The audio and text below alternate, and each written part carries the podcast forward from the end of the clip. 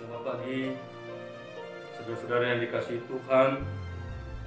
Sebelum kita beribadah dalam ibadah Jumat Agung, baik di rumah kita masing-masing, kiranya senantiasa ada dalam penjagaan, pemeliharaan, dan berkat Tuhan. Pagi hari ini, kebenaran firman Tuhan yang ingin saya bagikan terambil dari kitab Injil Yohanes pasal ketiga ayat 16. Sebelum kita membaca firman Tuhan, mari kita bersatu di dalam doa. Kita berdoa. Terima kasih Bapa dalam surga. Hari ini kami memperingati Jumat Agung kematianmu. Kasihmu yang begitu besar, Engkau buktikan ya Tuhan dengan tindakan Engkau datang ke tengah-tengah dunia ini menjadi sama dengan kami manusia. Bapa dalam surga, sebelum kami melaksanakan ibadah Jumat Agung kami di rumah masing-masing, kami ingin mendengarkan firman-Mu. Berkati hati dan pikiran kami, berkati firman-Mu untuk dapat membimbing kami semakin lebih mengasihi-Mu ya Tuhan. Dalam Yesus Kristus kami berdoa. Amin. Yohanes 3 ayat 16 demikian firman Tuhan. Karena begitu besar kasih Allah akan dunia ini, sehingga ia telah mengaruniakan anaknya yang tunggal, supaya setiap orang yang percaya kepadanya tidak binasa, melainkan beroleh hidup yang kekal.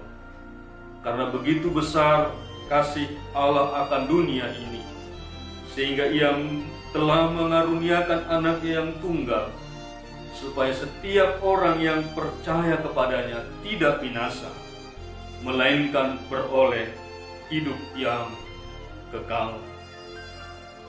Demikian firman Tuhan. Sebagaimana ada hukum-hukum alam yang mengatur alam ini, demikian juga ada hukum-hukum rohani yang mengatur hubungan saudara dengan Tuhan Allah. Ini disampaikan melalui firman Tuhan pada pagi hari ini. Hukum yang pertama, Tuhan Allah mengasihi saudara dan mempunyai suatu rencana yang indah bagi hidup saudara.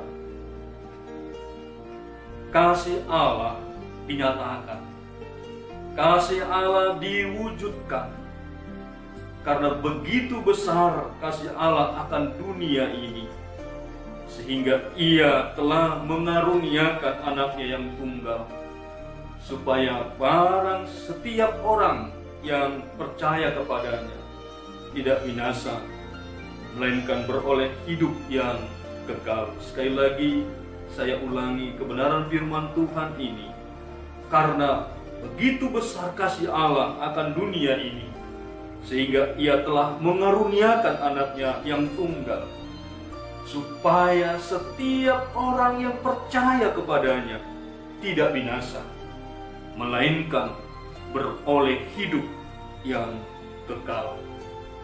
Karena itu dia punya rencana di tengah-tengah kehidupan kita. Allah merencanakan itu bagi kita masing-masing. Kristus berkata, Aku datang supaya mereka mempunyai hidup dan mempunyainya dalam segala kelimpahan, yaitu suatu kehidupan yang berarti dan penuh kebahagiaan. Yohanes 10 ayat 10b. Apakah sebabnya banyak orang tidak pernah mengalami kehidupan yang berkelimpahan dan penuh kebahagiaan ini? Allah merencanakan hidup kita penuh dengan kebahagiaan. Karena itu, dosa membuat manusia mengalami hukuman Allah. Hukuman itu bukan baru akan diterima dalam hukuman kekal kelak, tetapi sudah dialami kini.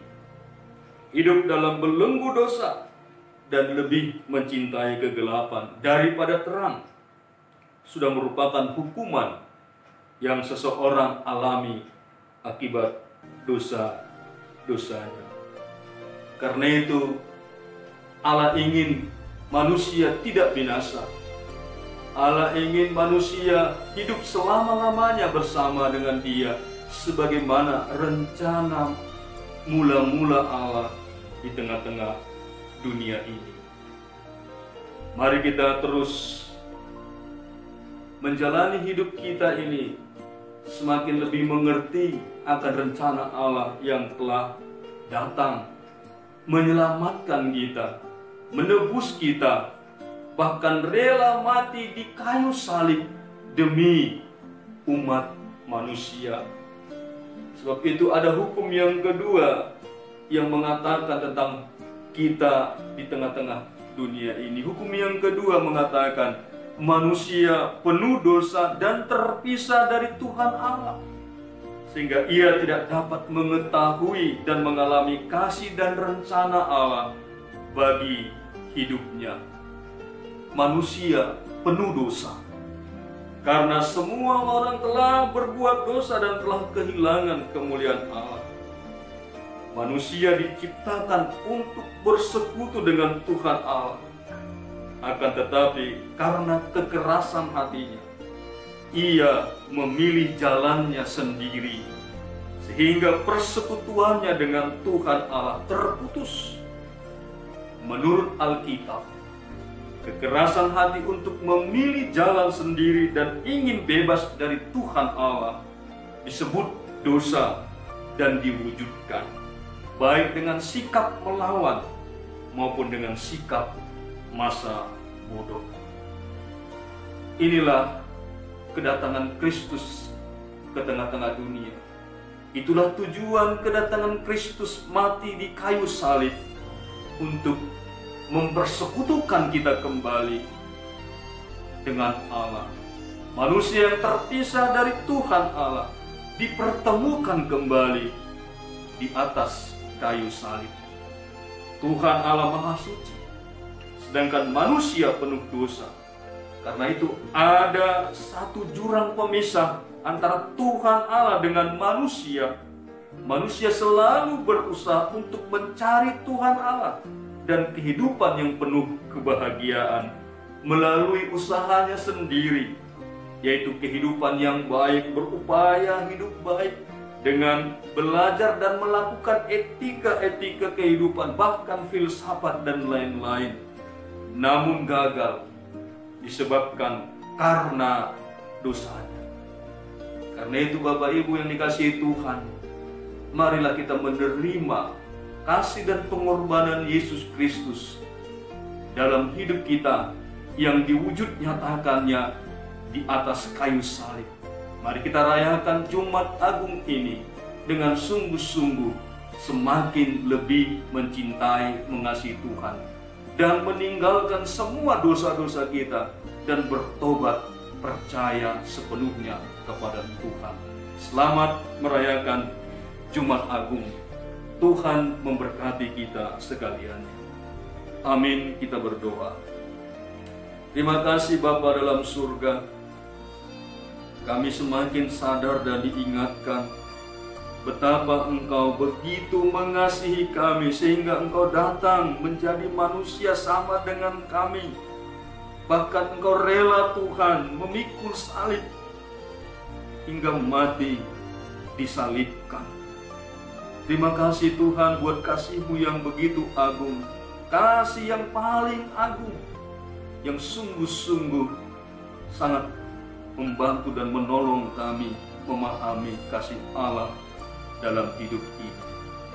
Dalam surga berkatilah sepanjang ibadah-ibadah dalam kehidupan kami pribadi lepas pribadi, keluarga lepas keluarga, agar makna kematianmu di kayu salib yang mewujud nyatakan kasih Tuhan bagi umat manusia dapat semakin kami miliki dan kami hayati dan berbuah untuk membagikan, memberitakan kabar baik itu bagi semua orang yang belum percaya kepadamu. Terima kasih Tuhan buat kasih-Mu yang begitu besar kepada kami. Sehingga Engkau mengaruniakan anakmu yang tunggal. Hingga kami boleh diselamatkan. Dalam nama Yesus Kristus Tuhan, kami berdoa kepadamu.